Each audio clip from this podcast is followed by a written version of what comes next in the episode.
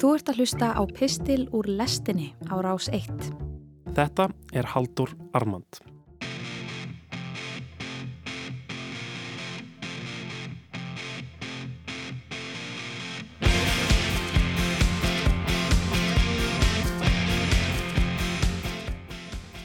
Í Hárnarás hef ég tekið eftir því hvernig afstafa fólksins kringum mig til jóla og áramóta hefur breyst. Sömulegis að sjálfa mér. Þegar ég var yngri gæti ég ekki skilið hvernig nokkur manni gæti líkað ítla við jól eða hvað þá áramót. Í dag skil ég það eins og það er mjög vel. Jólinn geta verið erfið af ýmsum ástæðum en auðvitað einna helst vegna þess að þetta er árstími þar sem þér á að líða vel. Hamingju og lífsfyllingar áróðurinn dýnur á okkur bókstaflega úr öllum áttum sem verður svo til þess að jólin eru einmannlegasti tími ársins fyrir marga. Áminningum það sem þeir hafa ekki, njóta ekki eða höfðu einu sinni, nutu einu sinni en ekki lengur. Jólin eru staðfesting á þeirri tröstu speki að allar ástarsögur eru draugasögur.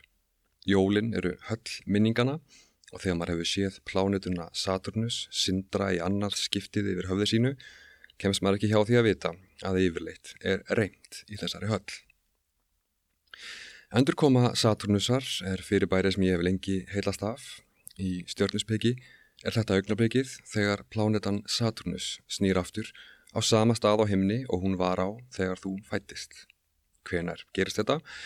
Cirka bát milli 29 og 30 ára aldurs. Það er að segja að það er þá sem Saturnus snýr aftur í nákvæmlega sömu nýtt og hann var í við fæðingu en yfirleitt er litið svo á að Saturnusar áhrifin byrji seint á því sem á íslensku er af einhverjum óskiljanlegum ástæðum kallað þrítugsaldur, þar að segja kringum hinn að þekkti tölu 27. Endurkoma Saturnusar táknar síðasta skrefiðin í fullorins ár sem yfirleitt fyrir fram gegnum eldskýrn af einhverjum toga, oftar en ekki einhvers konar erfileika. Svo ég spyr hlustendur sem hafa náð þessum aldri að gamni, kom eitthvað fyrir ykkur á þessum aldri? cirka milli 27 og 30 sem þið sjáuð eftir á að higgja að var það sem endanlega útskrifaði ykkur úr barnaskunni. Fundu þið fyrir nærveru Saturnusar í lífi ykkar? Sáu þið þessa fölu plánutu einhver tíman sindra yfir höfði ykkar?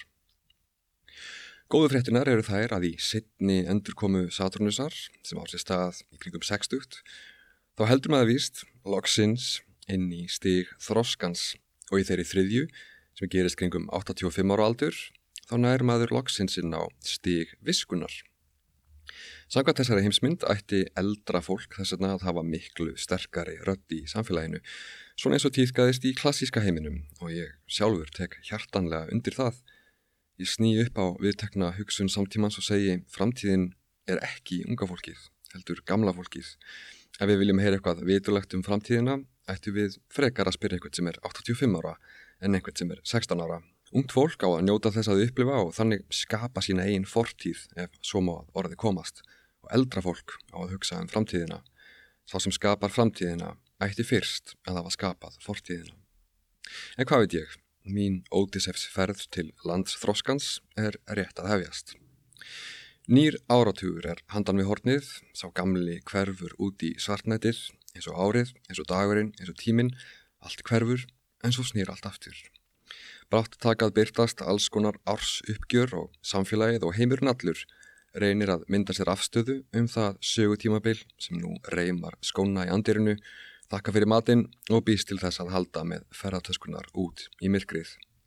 Vegna þess að þetta er tími uppgjörsins, tími til þess að líta þó ekki nema augnablík í einn barm, teki mér það leifi að enda þennan síðasta pistil ársins, ára tugarins, á því að fjalla styrtlega um viðfáðsefni sem hefur verið mér nokkuð hugleikið allar götur síðan ég skrifaði minn fyrsta bladapistil laungu áður en ég sá Saturnus skína yfir höfðu mínu.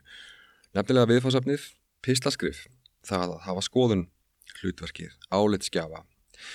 Já, ég veit að þetta er sjálfkvert en ég beði ykkur um að sína mér þólimæði í andajólana, það er punktur framöndan.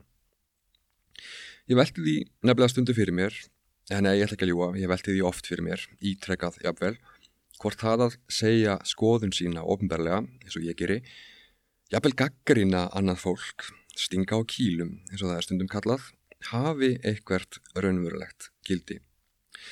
Allir pislahöfundar vita til dæmis að þau skrif sem fá langsamlega mest viðbröð eru oftar en ekki um pólitík og það verður að segjast eins og er að því yfirborskendari og meira einhliða sem skrifum pólitík eru því ríkulegri eru viðbröðin, því einfaldari sem heimsmyndin er, því barnalegri, því fleiri eru deilingarnar. Þetta hefur á nokkuð svo hafa áhrif á það hversu skotgrafakend umræða um pólitík er oft. En alvarlegasta ásökuninn sem ég beini að sjálfu mér í hlutverki álitskjafa er að stuðla hugsanlega óvart að áframhaldandi status quo. Ég fæ nefnilega ofta á tilfinninguna, sérstaklega eftir að hafa skrifað eitthvað sem við getum kallar gaggrínir sjónarhorn á Íslands samfélag, að mín rött, mín viðhorf, mín sjónarmið séu nú þegar algjörlega innbyggð í kerfið sem þau ætla sér að gaggrína að hlutverk mitt sem anstæðingur status quo stuðli þrátt fyrir allt að og verndi status quo. Það er ekki góð tilfinning. Einfallt dæmi um þetta væri þegar eitthvað vafasamt gerist í íslenskum stjórnmálum sem við ykkur neykslan og einhver eins og ég fjallar síðan um það á gaggrinnin hátt ofinbarlega. Síðan breytist það sálsögðu ekki neitt því það breytist aldrei nokktíma neitt nema fólk fylgi liði á Östurvall.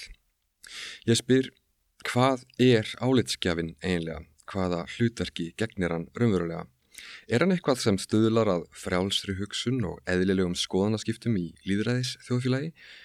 Eða er hann einfallega leið til þess að lifta lokinu aðeins á bull sjóðandi potti, hleypa át smá gufu, svo allt geti haldið nákvæmlega eins áfram. Einu sinni flutti ég hér pistil þar sem ég sagaði bandariska spjall þáttastjórnendur á borfið Trevor Noah og John Oliver um að vera hluti af vandamálinu sem þeir þykjast berjast gegn.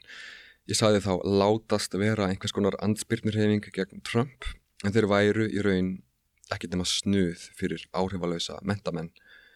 Og hér í naflaskoðun áramótana líti ég í speilin og spyr gildir ekki það nákvæmlega sama um mig? Talsvert minna snuð vissulega en einhvers konar snuð samt sem áður. Snuð sem kallast áhrifalös mentamæður í útvarpinu snuð sem er góður vini minn myndi kalla gasmann.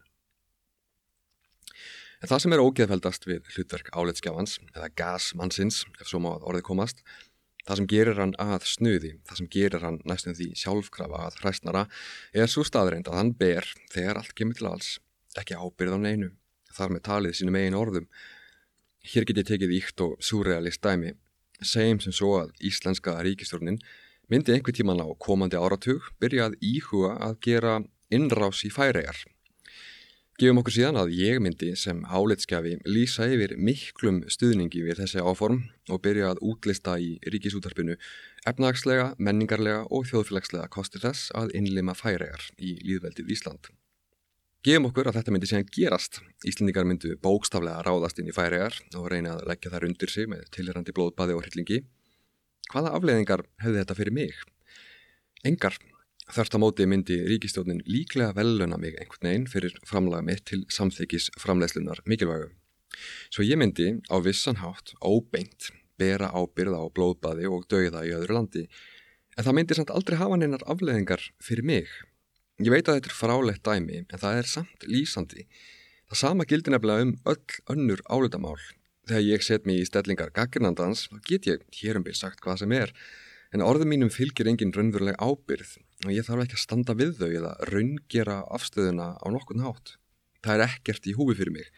Ég er bara áhrifalauðs og ábyrðalauðs mentamæður í útarpinu, gasmaður og svo siðferðilega ábyrð sem ég ber kemur einungis frá sjálfum mér.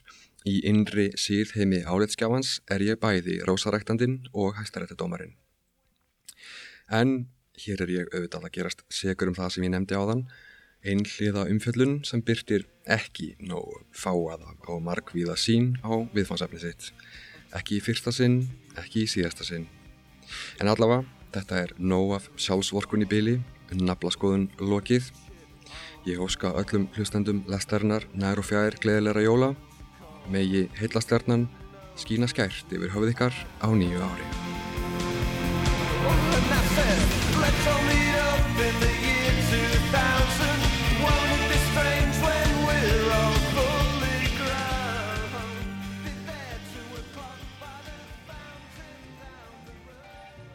Þú varst að hlusta á Haldur Armand. Nýr pistill frá Halduri hljómar á hverjum þriðu degim í lestinni á rás 1. Ef þú fílaðir þennan pistil og vilt heyra meira, getur gerst áskrifandi að lestinni hér í hlaðvarpsappinu þínu. Rás 1 fyrir forveitna.